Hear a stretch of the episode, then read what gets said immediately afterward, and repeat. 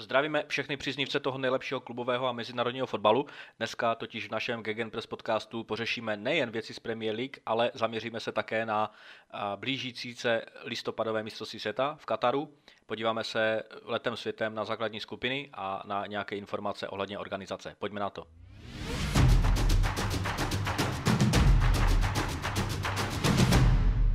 Otevřeme to ale novým majitelem Chelsea, kdy já mám pro Michala pár otázek. Co to teda pro Chelsea znamená? Uh-huh.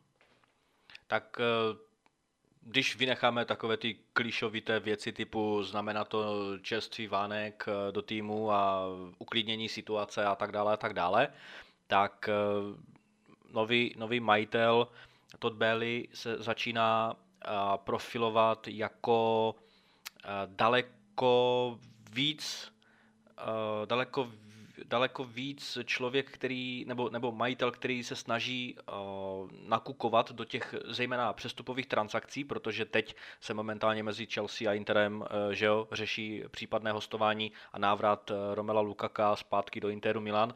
V, uh, a do tohoto dílu se zapojil právě i Todd Bailey, který si našel čas, mimo jiné i díky, nebo v rámci toho, že se vrátil zpátky do Spojených států, řešit právě svůj, svůj baseballový klub a mm, de facto se vyjadřil ve smyslu, nebo média přinesla informaci, že on se vyjadřuje ve smyslu, že není zrovna sto, stokrát nadšen ohledně toho, že by měl poslat zpátky na hostování Romela Lukaka do Interu s tím, e, že tato situace by byla pro, pro jeho klub finančně neatraktivní. Zatím Inter poslal první nabídku s tím, že, mm, s tím, že za hostování Lukaka by e, nasolil 5 milionů euro Eh, s, dalšími dvěma miliony euro na základě nějakých bonusů. Je tam nějaká většinová, větši, většinová porce v rámci, eh, v rámci platu, které, který, by, který by se přenechal Interu Milan, ale to teda Behli odmítl s tím, že teda kluby jednají dále a intenzivně. Takže líbí se mi, líbí se mi u Toda Belio to, že, že je více zapojený do těch, do těch transakcí a do těch jednání, eh, víc než samozřejmě Roman Abramovič, který to striktně nechával právě na Marině Granovské, eh, která teda zůstává v klubu, stejně jako do nedávna působící prezident Bruce Buck, který je i nadále prezidentem. Je tam ale jedna nová posila právě z, z úzkého klubu, klubu, nebo kruhu teda eh, Toda Behlio, teď si nespomenu na to jméno, ale je, je, je to něco jako jeho pravá ruka a ten tým je tak rozšířen na, na tři, plus teda samozřejmě Petr Čech, který je tam jako advisor, ale líbí se mi teda u nového majitele to, že je, je více proaktivní, proaktivnější než Roban Abramovič. Tím jsme vlastně rovnou odpověděl na další, jestli budou změny ve vedení toho klubu. Mm-hmm. Ale kdo teda povede ty každodenní operace?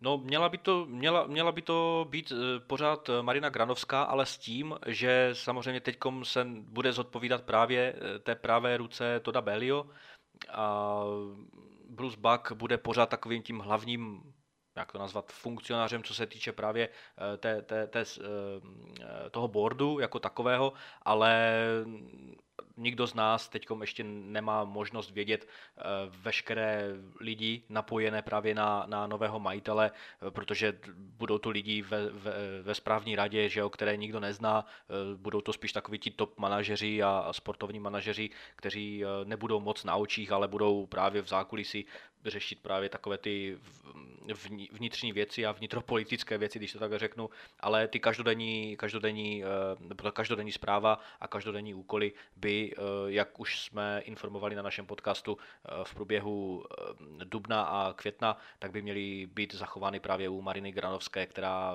byla de facto i pochválena tím, že tím, že jak zvládala vlastně celou tu situaci během, během, toho, během té transakce a během toho transitního období. Já jsem totiž zaregistroval obavu, že to je majitel z Ameriky, že mu to bude jedno, že nebude vůbec jako s tím klubem mít nic společného, ale on je to velký konzorcium, mm. že jo. A řada z těch lidí jsou vyloženě prostě jako z Londýna. Jo, jo. A mají k tomu klubu velmi blízko. A, a to nejdůležitější, bude se investovat? Mm-hmm. No, já věřím, že ano. 200 milionů liber, v přepočtu teda 200 milionů liber, bylo odsouhlašeno na přestupy. Mm, zase eh, ten tým kolem Mariny Granovské, samozřejmě Petr Čech a všichni ti, teď ne, nemyslím Bruse Baka, ale všichni ti, kteří jsou zodpovědní právě za tu sportovní stránku, tak vypracovali, nebo četl jsem, že se vypracoval nějaký shortlist v rámci toho kde by měla Chelsea posilovat. Todd Bailey je velký sportovní fanoušek, samozřejmě ve Spojených státech se taky, eh, jak jsem si teda přečetl, se, se, mm, se denně zajímá právě o, ty, o, ty, o sportovní stránku věcí eh, ohledně, ohledně jeho klubu. A jak dal interview v jedné, v jedné z amerických uh, sportovních uh, stanic, tak uh, tvrdil, že se takto stejně i bude zajímat právě o ten fotbal, že ho to baví, ale samozřejmě asi do novin nebo do televize neřekne, ale Chelsea je mi úplně jedno, koupil jsem mi ze srandy. Samozřejmě vždycky jsou to taková ta upravená vyjádření ve smyslu, v pozitivním slova smyslu, takže samozřejmě zase Marina Granovská bude tím hlavním operátorem, který bude řešit právě to přelívání těch, těch přestupových, trans, přestupových prostředků prostředků a tak dále. Na druhou stranu samozřejmě Todd Behley jako nový manažer, nebo teda nový majitel, ale samozřejmě i top manažer eh, bude eh, podepisovat veškeré veškeré e, přelívání jednotlivých, e, jednotlivých prostředků. No a jak, jak jsem říkal, bylo, bylo slíbeno a britská média přišla s tím, že Chelsea bude operovat s, s rozpočtem 200 milionů na přestupy, ale s tím, že já osobně neočekávám, že Eh, že se toto využije ze 100%. Naopak eh, Chelsea bude hlavně muset prodávat, bude muset, eh, bude muset vyřešit otázku Markose Alonza, bude muset vyřešit otázku prodloužení smluv třeba u Gola Kanteho, bude samozřejmě řešit otázku náhrady Antonia, Antonia Rudigera, takže bude tam hodně otázek, bude tam hodně spíše organizačních záležitostí ohledně smluv. Teď nedávno prodloužil smlouvu třeba Billy Gilmore, za což jsem velmi rád. Řeší se budoucnost některých hráčů, samozřejmě Pulisic, Werner, Lukaku zmiňovaný, Hakim Ziyech a tak dále a tak dále. Takže e, těch transakcí může být hodně, může být, být, jich být ale i málo e, ve směru do, dovnitř klubu ale všechno bude záviset na tom, jak vlastně se celá ta spírála přestupů začne eh, roztáčet od 1. července, kdy oficiálně můžou eh, noví hráči přicházet, eh, kterým neskončila smlouva, který, kteří nebyli volnými agenty, takže jsem se na to zvědavý. Ono se rádo říká, že američtí majitelé moc neinvestují, že jo. Vždyť on ten Liverpool koupil jen druhého nejdražšího brankáře světa a druhého nejdražšího stopera světa a asi pátýho nejdražšího útočníka světa teďka, že jo. Nechytejte mě za slovo, pokud nemám to pořadí úplně Jasně. přesně. Takže tady ta obava bych asi taky jako... Asi, asi, bych, asi bych se toho zase tak nebál. No ale teď se zeptám, teď se zeptám a... já tebe, eh, jak jsi nadšen eh, z, z příchodu nebo z blížícího se příchodu Sadia Maného do Bayernu Míchov. Jakým způsobem to tam uh, zlepší tu ofenzivu? Hele, za ty peníze, o kterých se mluví, mhm. dobrý, protože já jsem si říkal, že tyjo, 40 mega jako na dřevo by bylo moc za něj prostě. Jo, jako já chápu, že já jsem, já jsem od fanoušků premiéry, který už dostal tady pár poznámek, že hm, ale on těch 50 mega letos stojí, jo. No možná, pokud to prodáš jinému klubu v Premier League, ale ne pokud to prodáváš na kontinent, tam ty prachy prostě nejsou mm-hmm. takový a seriózně vedený klub za něj tohle to prostě nedá. Ale mluví se o 32 milionech euro plus, já teď je to myslím ano, 9 ano. v nějakých bonusech s tím, že 6 je v dosažitelných, 3 v hůře dosažitelných, něco takového. Nějaká taková struktura. Nevíme, jak dlouhý bude ten kontrakt Maného. Měl by být, měl by já bych předpokládal měl by být roky. tři roky. Tři roky. Tak to jsem ještě nikde nenačet. A nevím, kolik bude placený, ale tak jako rovnou můžu vyvrátit takový ty pitomosti, co se motali kolem, že to měla být nějakých, že mu Bayern nabízí 400 no, tisíc libertýně. To ne. Ale, ne, seriózně prostě fanouškovský stránky Liverpoolu hmm. tohle, toho, tohle okay. plácají, tak jako fanouškovský stránky Manchesteru City pláceli, že Bayern dává Sanemu 450 tisíc eur. Ne, ani ne půlku, hmm. to je jedno. Jo, takže hele, tady s tím dobrý. Um, Uvidíme, jak nahradí případně, pokud, pokud odejde Levandovský. No to jsem se chtěl zeptat, bude, a... bude on aspirovat právě na tu devítku? Já myslím, že Nagelsmann by rád hrál bez nějakého vyloženého hrotového útočníka, že by to tomu... Já si myslím, že tady té sestavě sedí 3-4-3 úplně jako mm. perfektně. Nevím, kam tam padne Miller, ale jako nebudu se tady ohlížet na 33-letého Millera, fakt sorry mm. už. Jo, ale jako je to legenda, je výborný pořád, ale asi bych jako kvůli němu nedržel zpátky celý tým, že jo. Ale a někde v tom útoku se pro ně teda to místo najde, jo, ale ho tam nebude na té desíce, no, sorry. Ale uh, odejde Lewandowski nebo odejde, já nevím, jo. To je, Barcelona teď si schválila nějaký, nějaký jako jejich vlastní hospodaření, mají tam mít nějaký strašný prachy. To vir, virtu, já, se, já, se do financí, já, se do, já se do financí Barcelony nebudu pouštět, já tomu nerozumím, já nechápu, jak ten klub může ještě jako mít dovoleno existovat s tím, jak oni fungují. Takže pokud fakt jako plácnou 50 mega na, na stůl, tak asi to Bayern jako vezme, jo. Nedivil bych se tomu a v tu chvíli, co se stane. Jako pokud budou dost váha, tak nekoupí toho Kalejžiče, protože jim ho koupí někdo jiný. A to je ono tam je plán, že by mohl přijít, um, mohla přijít devítka, která by nebyla uh, permanentně do základu, ale spíš jako možnost z lavičky. To je, to je, co si myslím, že by rád Nagelsmann, aby tam měl víc jako flexibilní ten útok, sestavený z Millera, Maného, Saného, kterýmu by tohle mohlo hodně svědčit. Uh, Gnabry se tam může posunout víc do, do prostřed. Těch řešení je tam hodně a já, já nevím prostě, jo, dneska. Já, já, ti, já ti nedokážu mhm. odpovědět. No, Nagelsmann to bude muset umět slepit hlavně a mně se právě líbí varianta rychlých křídel uh, Sané a Mané. Hezky se to i poslouchá uprostřed... Uh... Ne, Koman je, Koman je první křídlo. Koman je jednoznačně jo? v základu. Hmm, jas, je, je nejkonzistentnější. On nemá ty goly a asistence, ale je nejkonzistentnější z úto- ze všech útočníků, ze všech křídelníků Bayernu. Okay.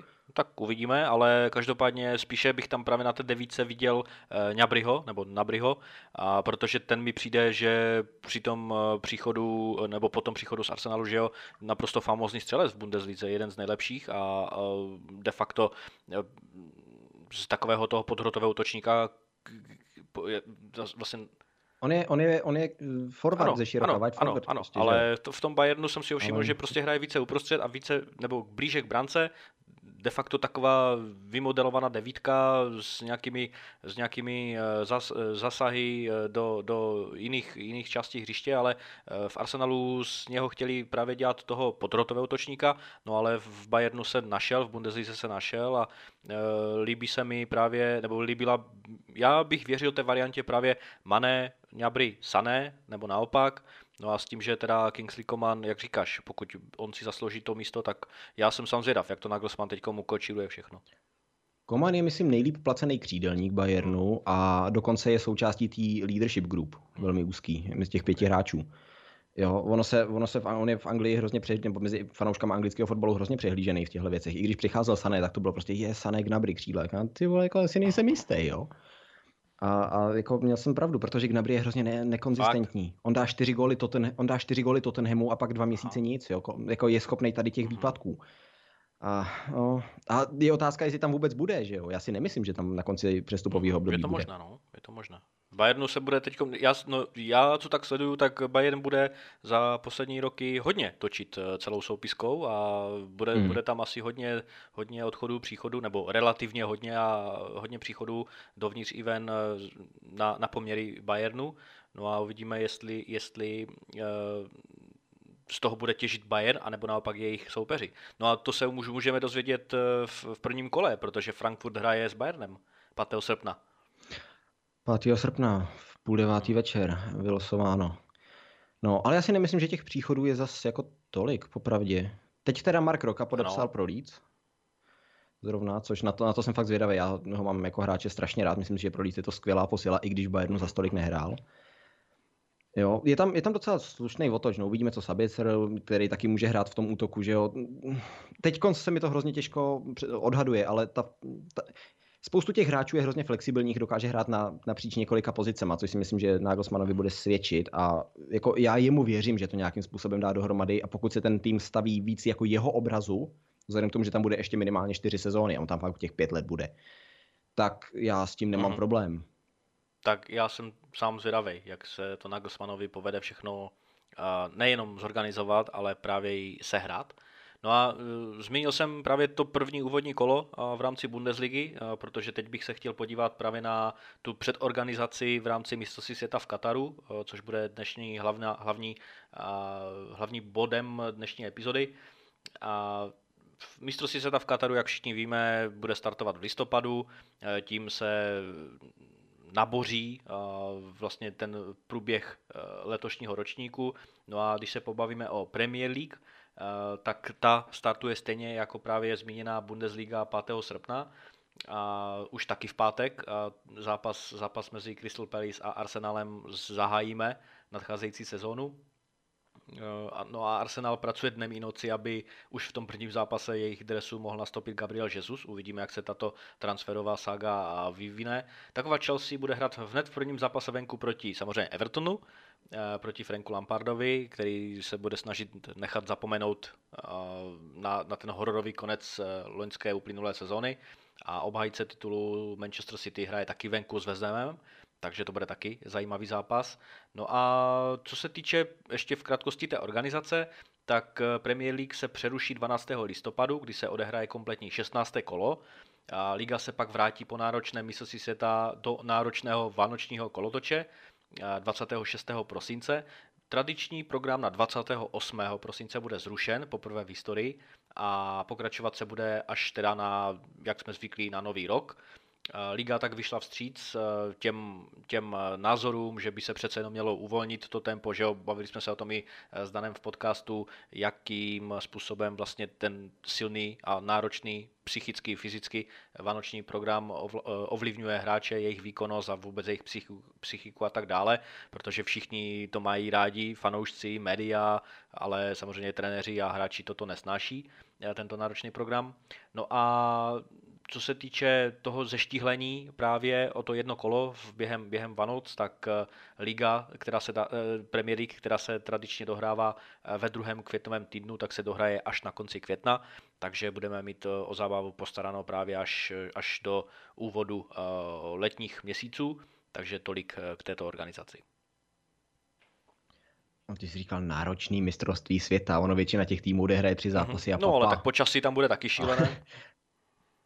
Uh, jo, ale tak spoustu klubů jezdí do Kataru um, na, na předsezónní přípravy, nebo do, do tady toho, do tady té části světa, vůbec jako někam do tropů, že do Španělska se jezdí i od No nás. dobře, ale tak přípravu a, a to... full zápas, že jo, v rámci mistrovství světa, to je něco jiného. To je, jo, samozřejmě, jako ten, to tempo je úplně o něčem jiným a já to nějakým způsobem jako nechci obhajovat, já si myslím, že tam ten šampionát prostě být nemá. Jednak z morálních důvodů, a ty jste na to narazil vlastně minule, kdy UEFA, FIFA, FA různý jsou hrozně takový jako zkratkovitý, heslovitý, jako podporujeme tuhle věc, podporujeme tamhle tu věc. A já tomu hrozně fandím, jo, to já to nekritizuju, ale podporujeme boj za lidský práva a dáme mistrovství světa do Kataru, vole. Jo, jako co, absolutně, absolutně jdeš proti tomu, mm-hmm. za to tvrdíš, mm-hmm. že sám stojíš. Jo, protože jako pokud jdeme do země, kde jsou kasty, de facto, že jo, nebo říká se tomu ta, něco na ten způsob, já teď nevím. Jo, tak jak, jak pak jako můžeš tohle to heslo jako opakovat? Ty si absolutně ztratil jako FIFA v tuhle tu chvíli jakoukoliv morální autoritu říct, že bojuješ za jakýkoliv lidský práva a teď mi úplně jedno, co to je, jo. Takže no. uh, to, je, to, je, to je můj hlavní problém s tím, ne to, že se to hraje v zimě. Jako, já jsem vlastně i rád, že teď máme pauzu, protože se odhrálo 18 měsíců fotbalu v kuse skrz covid, posunutý euro, uh, Avkon tam do toho byl, že jo, pro spoustu hráčů.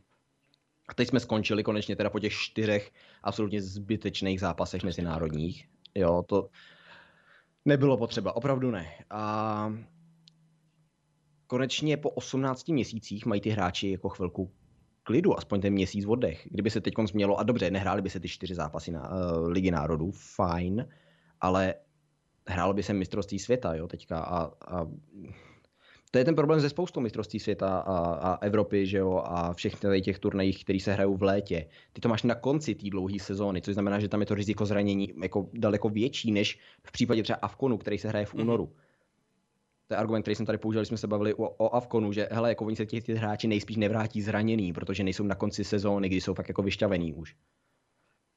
Takže možná i tady to bude v rámci toho mistrovství světa trošku jako ku prospěchu. Není to, není to všechno tak jako tragický, no, ale jako asi se to nikomu z nás úplně nelíbí. No. no, já navážu právě na tu morální hodnotu souhlasím plně s tím vším, co se, co se mluví o, o Kataru jako takovém. Já a můj největší problém je eh, s tím v, uvozovka, v uvozovkách pokrytím, nepokrytím těch eh, pracovních podmínek při eh, výstavbách jednotlivých stadionů.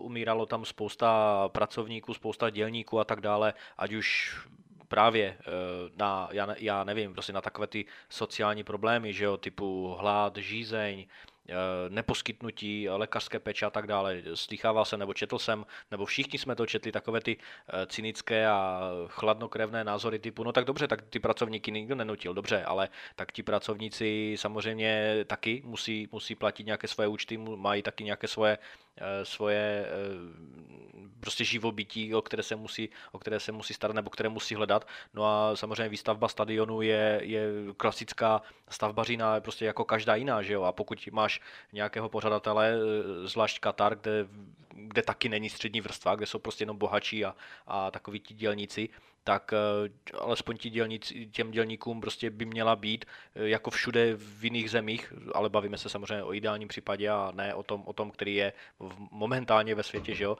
tak eh, by měla být poskytnuta nějaká základní lékařská péče, základní podmínky pro práci a tak dále. A to se tam právě nedělo. A s tím já mám největší problém. Samozřejmě hlásali to, hlásala, hlásala to spousta médií, ale na druhou stranu nikdo z fotbalových hvězd, nikdo z těch celebrit, nikdo z pořadatelů, ani nikdo eh, v rámci UEFA, FIFA neřekne OK, myslíme si, že to je všechno špatně, teď vám tady zveřejníme čísla úmrtí, zveřejníme vám tady fotky a tak dále. Samozřejmě, že se to neděje a nebude dít, protože peníze jsou pořád na prvním místě. Ano, FIFA a UEFA řekla, že se provede nějaký audit, že se provede, provede nějaká společná prohlídka těch prostorů, společné nějaké výslechy eh, v rámci těch autorit, eh, co se dělo, co se nedělo eh, v rámci, v rámci mm, těch pracovních podmínek a tak dále, ale samozřejmě tak velký kolos, jako je mistrovství světa, nebude dávat do popředí jednotlivé životy a jednotlivé příběhy těch dělníků, kteří tam prostě přišli bohužel o život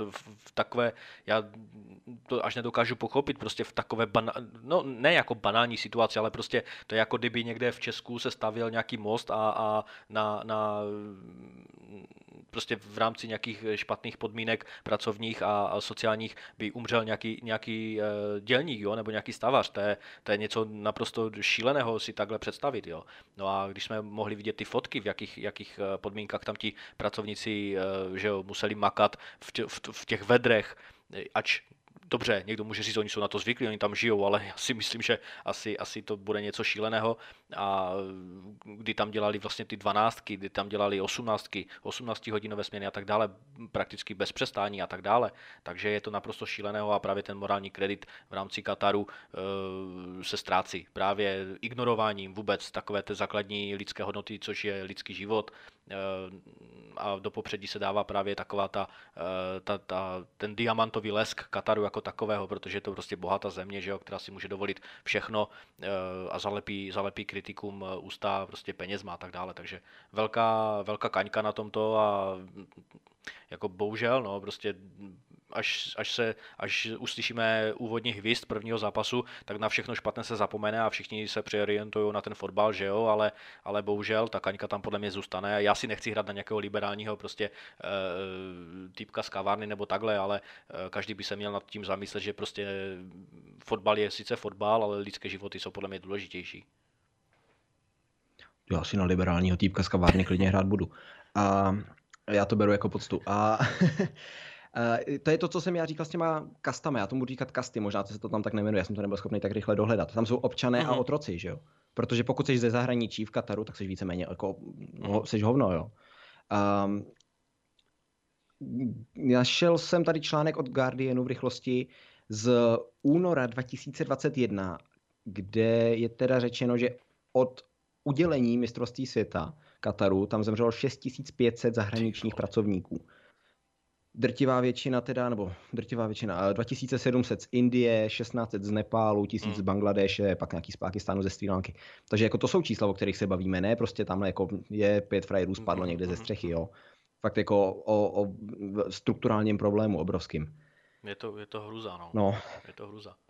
Jako nehrejme si na to, že prostě, eh, nebo ne, že nehrejme, ale eh, nebyli jsme na to prostě zvyklí, že jo? Když se, když se konalo euro nebo mistrovství světa, řekněme, v civilizované zemi, jako, která má se vším všudy prostě spíše taková ta v zemi, no, zemi, zemi prvního, prvního světa. světa, tak e, dobře, může se stát nějaká, nějaká nehoda, může se stát nějaký pracovní úraz, to je samozřejmě běžné, že jo, ale, ale takovéto pokrytectví typu dobře zemře někde 6 tisíc lidí, určitě pošlou se nějaké peníze těm rodinám, že jo, kdo ví jestli, aby jsme jim prostě zalepili pusy, aby, aby neříkali nic do, do, do médií, ale dobře, kdo poslechne v, v rámci médií nějakého bangladešského příbuzného, že jo, který řekne, hele, mě tam zemřel prostě rodinný příslušník na výstavbě stadionu v, v Dauha, a co s tím budeme dělat, že jo? No samozřejmě, že se s tím nic nebude dělat, protože prostě místo si se ta čeká, jsou tady nějaké termíny, že jo, do kdy se musí dostavit stadion, do kdy se musí postavit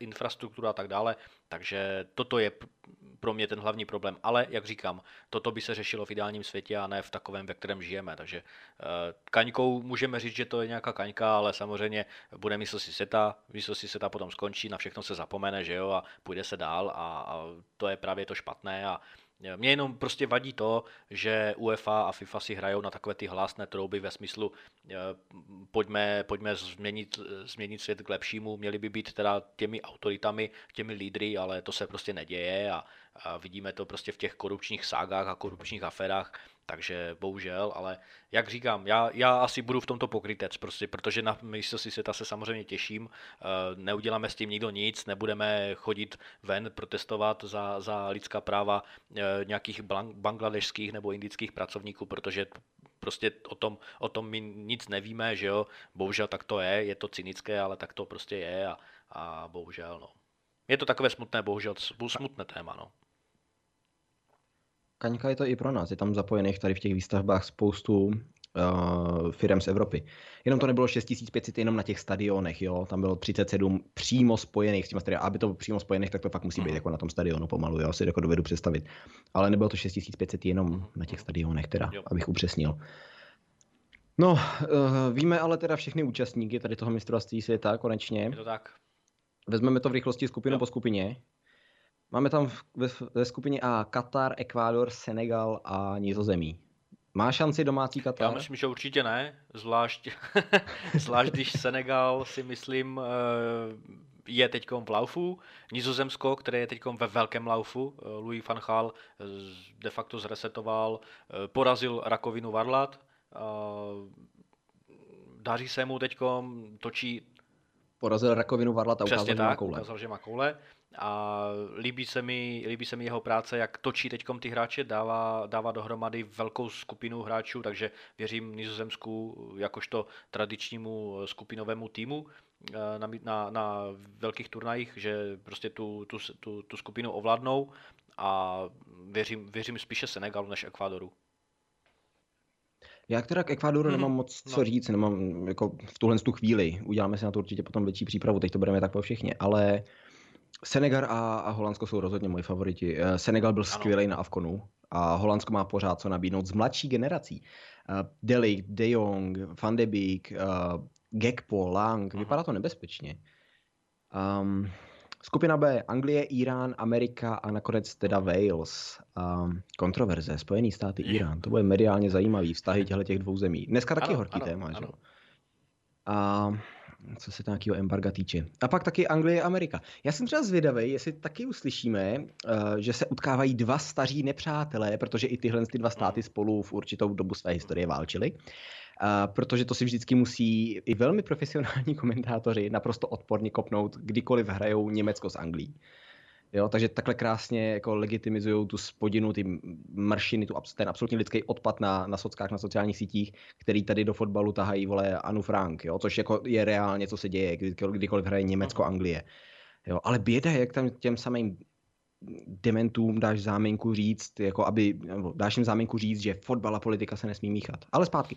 A, zpátky z kavárny. Um, USA a Anglie. Uh, tohle to bude jednou strašná, strašná sranda, až USA porazí Anglii, nebo je překoná ve skupině, co se, co se umístění týče. Já se na to těším. Já, já budu normálně sedět a hltat určitě, to na Určitě se taky budu těšit. Spousta amerických eh, hráčů že jsou spjatí s anglickou ligou nebo s Anglií jako takovou. A já jsem, já, jsem, já jsem hodně zvědav na duel Anglie s Walesem. Wales si myslím bude paradoxně nejsilnější ve všech zápasech, nebo ze všech zápasů právě proti Angličanům, protože se vůbec nemusíme bavit o jejich motivaci. A ten tým nemusí na papíře vypadat, vypadat nějak extrémně silně, samozřejmě bude tam Gareth Bale a, a, další, a další hráči, ale na druhou stranu eh, favorizovaná bude vždycky Anglie v tomto duelu, ale já věřím tomu, že Wales je bude schopný potrápit, eh, zvlášť když Anglie je vždycky favoritem v každé skupině, ale ty jejich výkony nejsou ideální. Ano, eh, Gareth Southgate, který teď momentálně řeší kritiku na svou hlavu po vysoké prohře 0-4 s Maďarskem doma, eh, ale pořád je to jeden z nejúspěšnějších eh, trenérů moderní historie Anglie. Dovedl je že jo, do semifinále mistrovství světa, do finále Eura, což se, což samozřejmě dobře, čekají pořád na titul, ale pořád byl nejblíž té medaily, po, nebo té první medaily po roce 66. Takže si myslím, že tam bude o motivaci rozhodně postarano. Ten Irán tam bude takový ten fackovací panáček, ale věřím tomu, že tato skupina může být velmi vyrovnaná a e, Anglie, pokud nepostoupí, vůbec nebudu překvapený. Budu překvapený, pokud Wales postoupí z prvního místa, mm-hmm. ale nebudu, jako spíše bych byl, spíše budu nepříjemně překvapený, pokud nepostoupí Spojené státy, protože věřím tomu, že oni mají největší potenciál ovládnout tu skupinu, namotivovat se a klíčový duel právě podle mě bude Anglie-Wales, kde to bude naprosto otevřené, podle mě. Spojený státy mají skvělý tým, ale tragického trenéra. A pro nás jako podcast o anglickém fotbale je tohle teda nejvděčnější skupina, kterou budeme asi nejblíž monitorovat, zvlášť když já mám teda i o ten americký fotbal zájem. Ale já si taky myslím, že Anglie nemusí jako úplně, že může úplně v pohodě nepostoupit a nemyslím si, že skončí první. Já si myslím, že ten tým jako to je, to je prostě jako dlouhodobá realita, že anglický hráči jsou, mm. jsou hrozně přeceňovaní velmi často v porovnání, teď nemyslím jako, že by nebyli dobrý, když, nebo že by byli špatní, když se oni říkají, že jsou dobrý, ale že nejsou uh, o tolik lepší než třeba jejich soupeři z kontinentu, který ne, nemají ten respekt. Um, takže já si nemyslím, že tenhle ten tým Anglie je zase tak úžasný, zvlášť jako s tím výběrem, jaký tam minimálně teďka jel, ale já nechci na základě tady toho, tady těch čtyř zápasů dělat jakýkoliv závěry, no tak jeho Maďarsko přejelo 4-0, no a co? Jo, já myslím, že to je úplně jedno, akorát to nějak jako ublížilo jejich hrdosti, ale když se podíváš na tu sestavu, tak to jsou hráči, kteří jako si na tom mistrovství světa zahrajou možná půl hodiny, jo. Většina z nich. Um, skupina C. Argentina, Saudská Arábie, Mexiko, Polsko. Uh, Levandovský proti Messimu, to bude zajímavý head to head. Um, Mexiko v rámci CONCACAFu trochu na sestupu. Řadím je bezpečně za Ameriku a Kanadu, popravdě. A v CONCACAF lize mistrů ale pořád ty mexický týmy hrozily, um, i když taky teď to není taková dominance, ale letos je to poprvé od roku 2005, kdy nevyhrál mexický klub tuhle tu soutěž, ligu mistrů středo- a severoamerickou. A vítěz byl Seattle, Seattle Sounders první americký klub od, od LA Galaxy v roce 2000. S Mexikem je to teda pořád jako, je s potřeba počítat, ale nevidím to pro ně dlouhodobě zas tak zeleně. Argentinu nemůžu zas tolik soudit, nesleduju je tolik, ale Polsko mě, mě nikdy nepřišli, že hrajou na svůj uh-huh. potenciál. Ten tým má podle mě víc talentů, než co hrajou.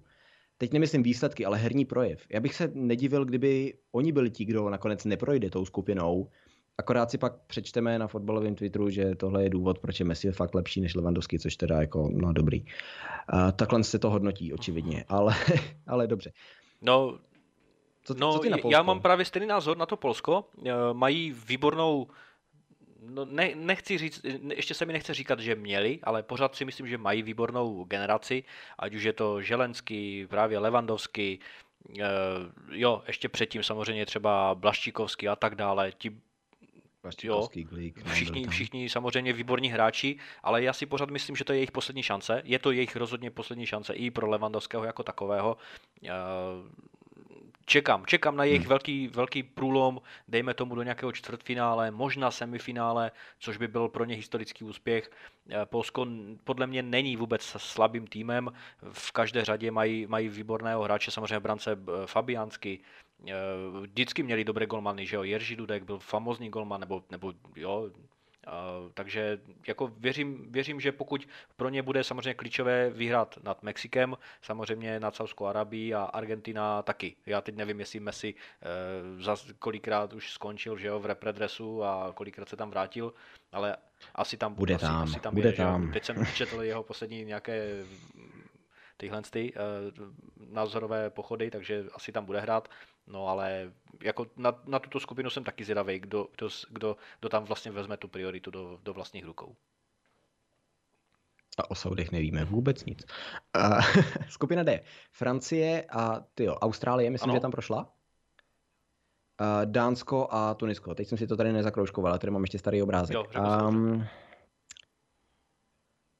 Jo, tam byl ten úžasný penaltový rozstřel, tyjo. To, byla, to, to byla show, teda to doporučuji najít si na YouTube. A co, ten, co tam ten golman jo. vymýšlel, ale to je jedno. Skončí Dánsko nad Francií? Mají veškerý potenciál k tomu, aby skončili. Mají teď dobrou, dobrou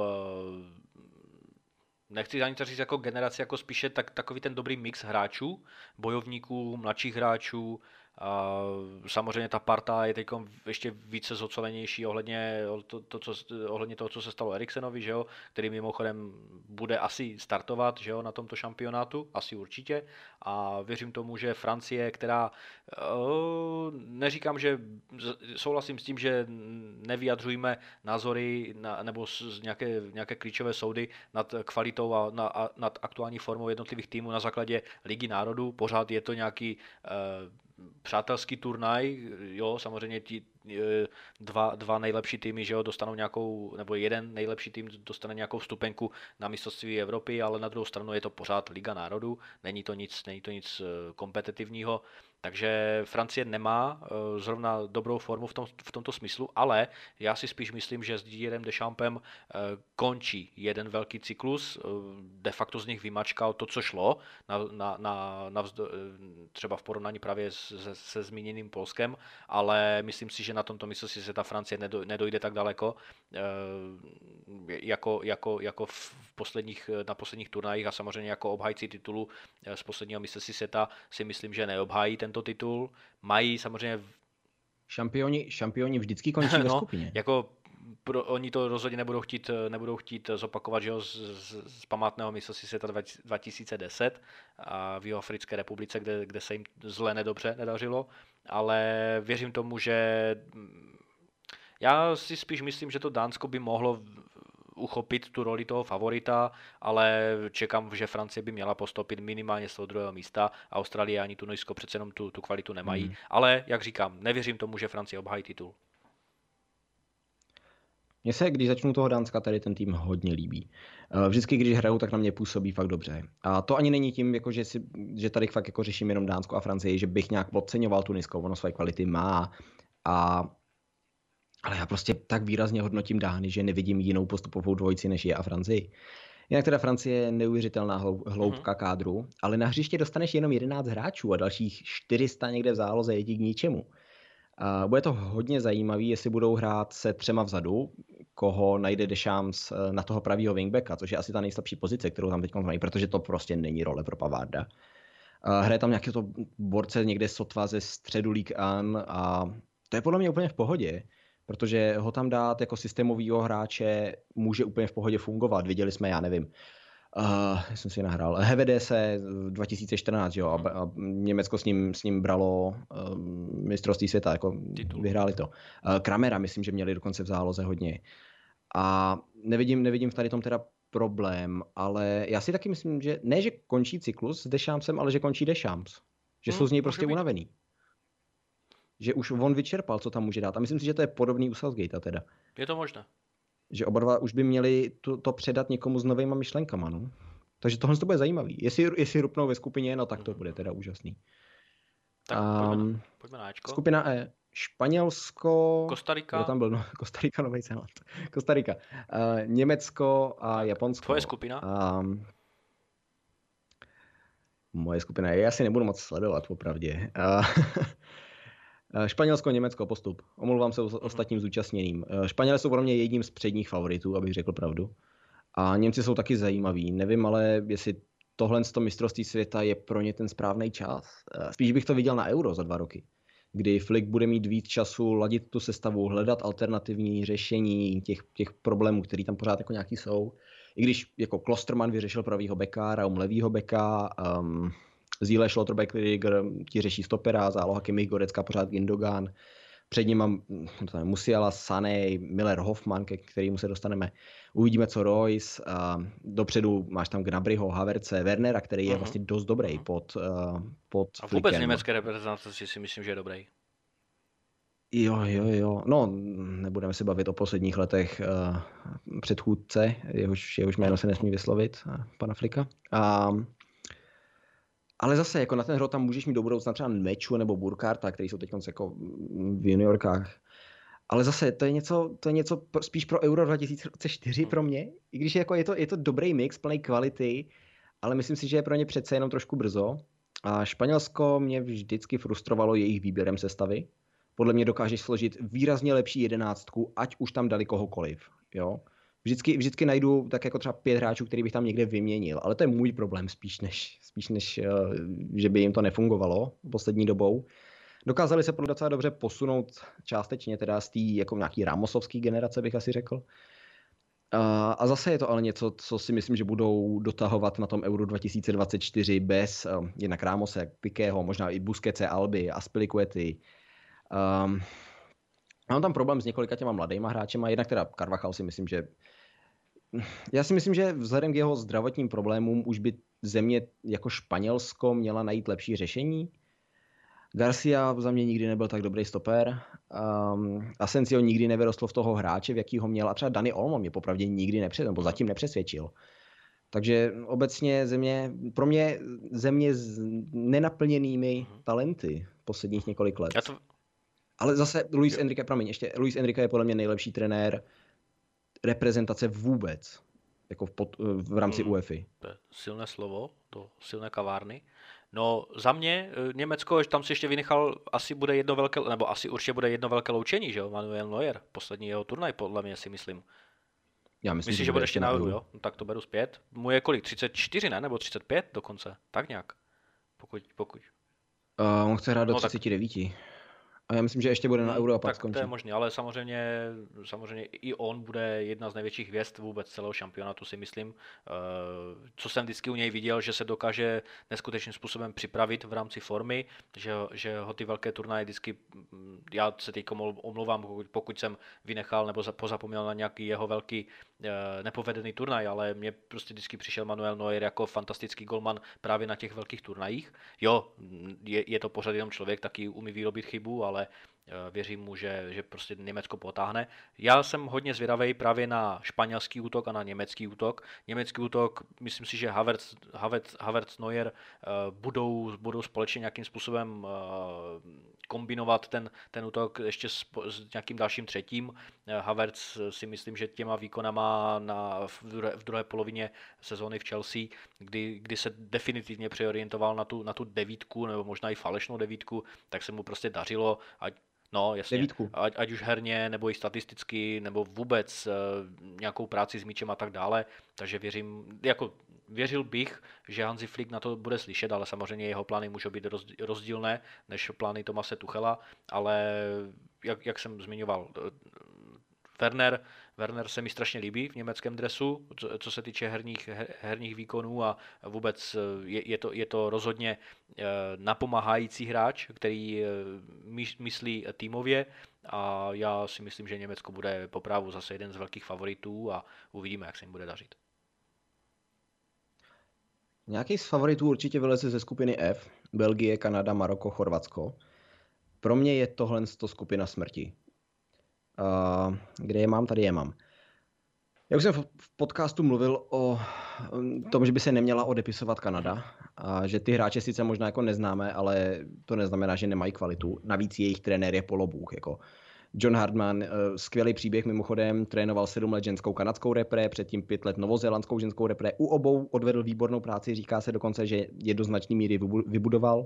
Angličan původem ze Sunderlandu, nebo od Sunderlandu někde z té tehdejší North, North, Northumbrie. V Sunderlandské akademii původně začínal jako development coach, což teda jako naznačuje, že umím jako asi s mladýma talentama a ukazuje to docela dobře i v rámci své kariéry.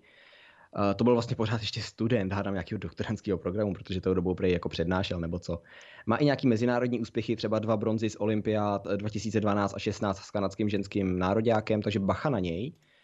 Maroko zase jeden z nejlepších afrických klubů, v žádném případě nepodceňovat. Ohromné množství talentu, Hakimi, Mazraoui, Bono, eh, El Hadadi a El Nasiri, všichni tři ze Sevilla, Boufal, um, Amin Arid. Um, ten tým je dost dobrý. Čtvrtfinalisté Avkonu, ale vypadli s Egyptem, který nakonec byl až ve finále, že jo? A jsou jediný, kdo ve vyřazovacích fázích dokázal Egyptu dát gól. Belgie má to nejlepší asi za sebou, ale pořád umí kousat. Um, možná jejich poslední šance s De Bruynem, Lukakem a spol. Zase Chorvatsko, uh, oni, oni docela omladili. Pořád jsou tam jako Kramarič, Modrič, Perišič, Brozovič, eh, Vršalko, Lovren, ale doplnili to Sosou, Kovačičem, Pasaličem, Vlaši, Vlašičem, Stanišič eh, a Guardiol se letos vyprofilovali ve velmi dobrý hráče. Rozhodně to není tým za Zenitem. Tady na tu skupinu se fakt hodně No, těším. já bych právě Chorvaty pasoval do takové té role, kterou plnili Belgičané na předchozích šampionátech. Že mají teď momentálně výborný výborný mix sladěných hráčů. Belgie, souhlasím s tím, že je to jejich určitě poslední šance. Asi, asi podobná paralela jako u polské repre, kdy jako čekal jsem, že od roku 2014 se jim nějaký turnaj, zejména na, asi možná spíše na Euro, povede. Čekal jsem, že právě Euro 2020 vyhrajou oni, ale nevyšlo to na, nevím, prostě nedokážu si představit, co tam chybí, ten, co tam chybí vlastně v rámci toho posledního kroku, aby Belgičané, Belgičané slavili eh, titul, ať už na Euro nebo, nebo na mistrovství světa.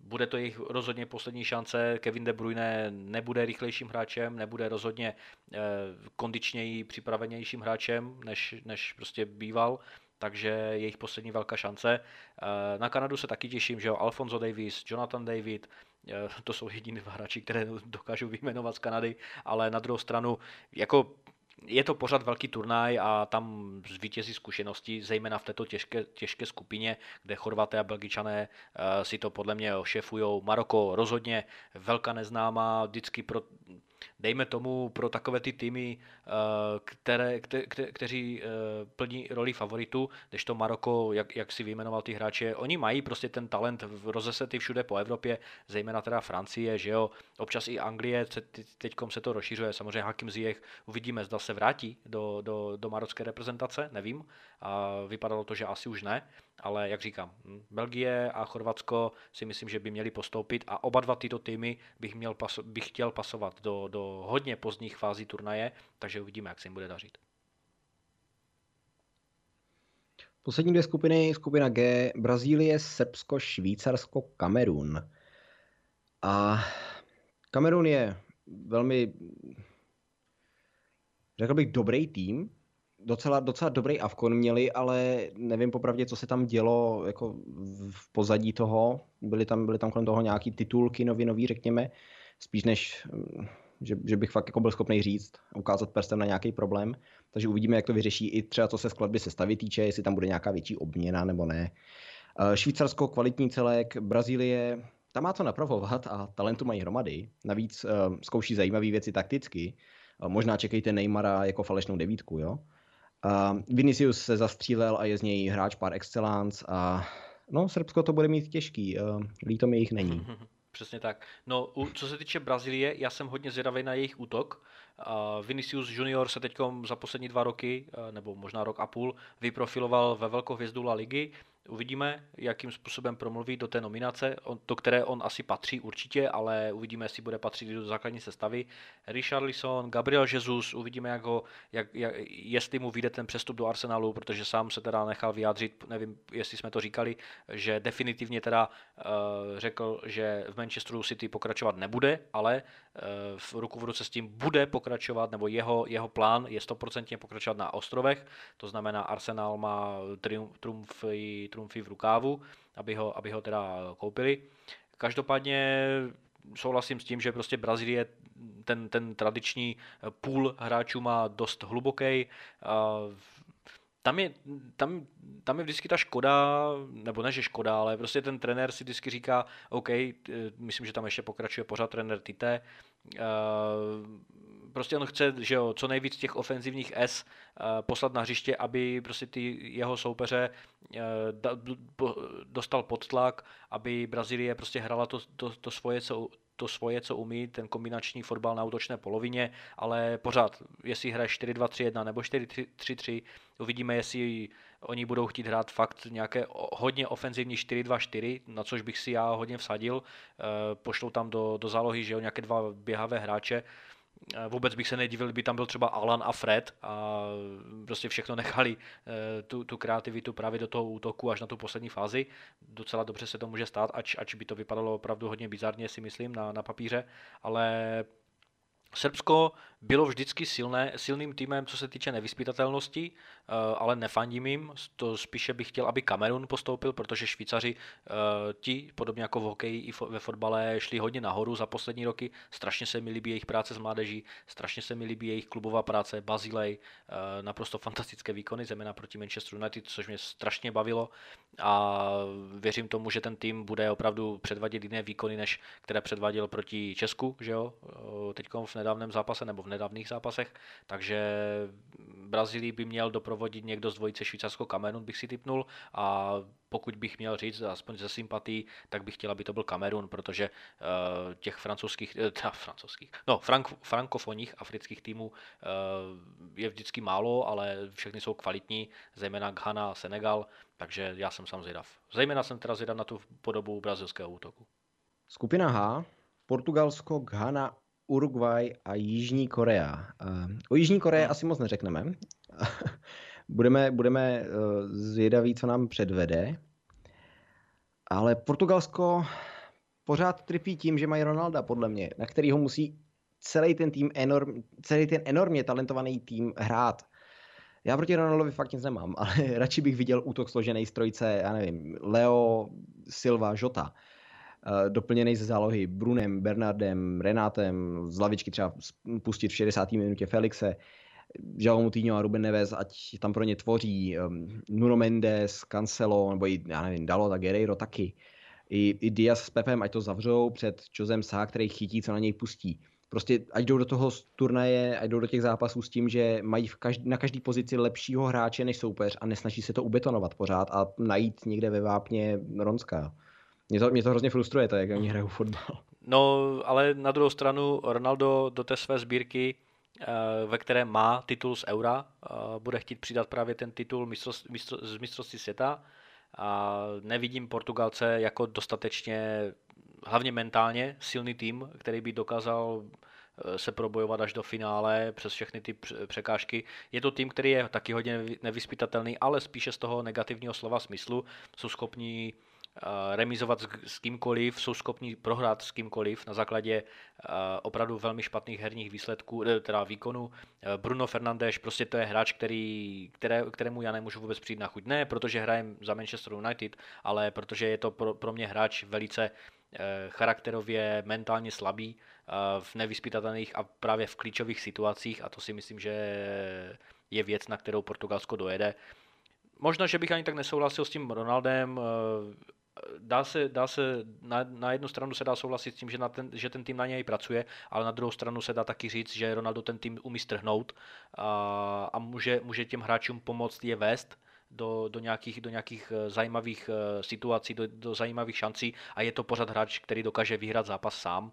A pokud má samozřejmě ten servis, eh, souhlasím s tím, že Ronaldo na sebe sám zrovna nějak hektickým způsobem nepracuje, ale na druhou stranu je to pořád hráč, který je spolehlivý v koncovce, je to hráč, který je spolehlivý v tom rozhodování zápase, což třeba Gonzalo Guedes, který si myslím, že je obrovským talent, obrovsky talentovaným hráčem, tak pořád to nemá v sobě. V minulosti jsem ho pasoval za nějakého nepřímého nástupce Ronalda, co se týče rozhodování zápasu, ale pořád to prostě v sobě nemá. Neukázal to ani v PSG, neukázal to ani ve Valencii, ale ač mu teda hodně fandím jako hráčovi. Uvidíme, co ti všichni vyjmenovaní hráči, co si říkal. Žota, na něho se hodně těším, že jo. Eh, Ruben Neveš, Joao Moutinho, jestli, jestli vůbec pojede, je to taky už trošku postarší hráč. Ale hmm. co se týče Ghany, ať dnes zůstaneme, nezůstaneme teda u Portugalska, tak jestli pak víš u Ghany, eh, která má, jež má vlastně dvě nové posily to asi nebudeš vědět, nevím, ale teď v tomto týdnu přišly informa- nebo přišla informace, že dva hráči z Premier League uh, přehodnotili svoje vlastenecké záměry a anglickou reprezentaci uzavřeli a do občanky si napsali reprezentant Ghany a jsou to Edin Ketiach z Arsenalu a je to Tarik Lampty z, Bright, z Brightonu. A oba dva tito hráči asi na, do, na se v rámci uh, ghanské reprezent, reprezentace pojedou. Hmm. Tak to je novinka, to jsem na to zvědavý. Já jsem vůbec zvědavý, zvlášť na ty poslední tři skupiny. Ty jsi říkal, že Německo, Španělsko a spol jsou moje skupina. Ne. Nějak, nějak si nemyslím, že uvidím cokoliv víc než zápas Německa a Španělska. A já si taky ještě myslím v té poslední mojí poznámce, že letošní přestupový termín, který začne zase v, v, v červenci, tak bude o to více Eh, ovlivněn právě proto, že hráči budou mít právě v horizontu eh, vidínu právě eh, toho startování na mistrovství seta, takže si dvakrát rozmyslí, kam přestoupí a jestli budou mít zaručený ten herní, her, to, to herní vytížení. A myslím si, že taky na základě výkonu na mistrovství seta samotném se Mm, se asi nějakým způsobem hodně zatraktivní lednový přestupový termín, který bývá častokrát hodně takovým tím nudným, nudným přestupovým eh, obdobím v rámci sezóny, ale na základě výkonu na mistrovství světa si myslím, že můžeme čekat nejatraktivnější lednový termín eh, za poslední roky. Já budu možná ten lednový přestupový termín trošku rozporovat, protože už tak se v lednu platí taková ta lednová hmm. přirážka, že jo. A teď ještě navíc jako s tím, že bude mít ten hráč za sebou dobrý výkon na mistrovství světa, tak to bude dalších jako pár mega navíc a nebude za stolik klubů. Možná, možná, že v Anglii mezi těma top klubama uvidíme pár týmů, který takhle vyberou nějaký ty nejlepší hráče. Mimo to třeba ty hráči můžou letos uh, chtít zůstat v létě ve svém klubu, hmm, uh-huh. s tím, aby hráli pravidelně, aby se dostali do toho výběru a v lednu můžou tlačit na přestup potom, že jo ale bude to stát o to víc, no, a nemyslím si, že bude moc klubů, který budou ochotní tady to platit a schopný. Jeden takový hráč, který by mohl zůstat, je podle mě Christopher Enkunku, s tím, aby si vydobil místo v nároďáku. Um, představovat Christa, Christofera Enkunku absolutně nemusím. Uh, za francouzský nároďák má ale, možná překvapivě, jen 6 zápasů a debitoval tam až v březnu 2022. Dlouho byl Dešam sem přehlížený, ale teď to vypadá, že na to mistrovství světa teda pojede jeho ideální pozice a role v tom týmu, ale to je, to je hrozná otázka, protože jak bude fungovat dohromady s Mbappem? Eh, oba dva chtějí hrát víceméně podobný fotbal, oba dva zakončovat, oba dva ve vápně. Deschamps by měl ale najít způsob, jak tady ty dva nějakým způsobem zakomponovat, klidně na úkor Jany Griezmana. A teď se mnou nemusí spoustu lidí souhlasit, ale dlouhodobě Benzemi. Um, Nkunku, Mbappé a třeba Koman, někdo tvořivější, tradičnější křídla, třeba i ten Dembele, pokud se dá dohromady fyzicky, tak to je trojice, která může do budoucna být uh, v základ, v základ té Francie, nebo toho útoku Francie, do toho nejen Diaby třeba, a on vůbec Koman, Nkunku, Diaby, tihle tři hráči z Paris Saint-Germain, uh, který by mohli při absenci Mbappého být na soup- první tři jména na soupisce národního týmu. Dobrá práce PSG. A nechat je odejít. Ale jo, měli by se tam podle mě vejít všichni tři tady ty i když by si třeba neměl vejít Griezmann. No. A může to být zajímavý i pro Paris Saint-Germain potom, protože Nkunku má sympatie vůči tomu klubu, se asi jako dal, dost jako ukázalo. A pokud bude fungovat v národňáku s, s Mbappem, tak eh, to může být pro Paris Saint-Germain docela dobrá ukázka toho, že by ho měli koupit. No, no my si potom ještě připravíme samozřejmě i e, termíny pro odevzdání finálních soupisek a budeme, budeme se snažit alespoň u některých vybraných týmů eh, vyhodnotit naše, naše typy na finální soupisky, takže i tam budeme mít o zábavu postaráno. Já bych ještě možná zmínil asi největší absence, že jo, to je Itálie. Chile mi tam bude hodně chybět, jakož tým, jakožto tým, kterému jsem hodně fandil eh, během mých pubertálních let, protože duo Zamorano Salas to bylo něco fantastického sledovat. Samozřejmě Norsko mi tam bude hodně chybět, Erik Haaland eh, by si zasloužil v momentální formě startovat na velkém turnaji, ale bohužel. No a samozřejmě Česko eh, pořád zůstává u té jedné jediné účasti na mistrovství světa v roce 2006. No, za mě taky všechno, takže se můžeme okay. asi rozloučit. Dobrá, tedy, takže děkujeme, že jste doposlouchali až do cíle. Eh, tradičně nás můžete poslouchat i na Spotify. Určitě budeme rádi, pokud se podíváte na náš Twitter, Gegenpress Podcast. Určitě budeme moc rádi, pokud zanecháte vy váš like, váš odběr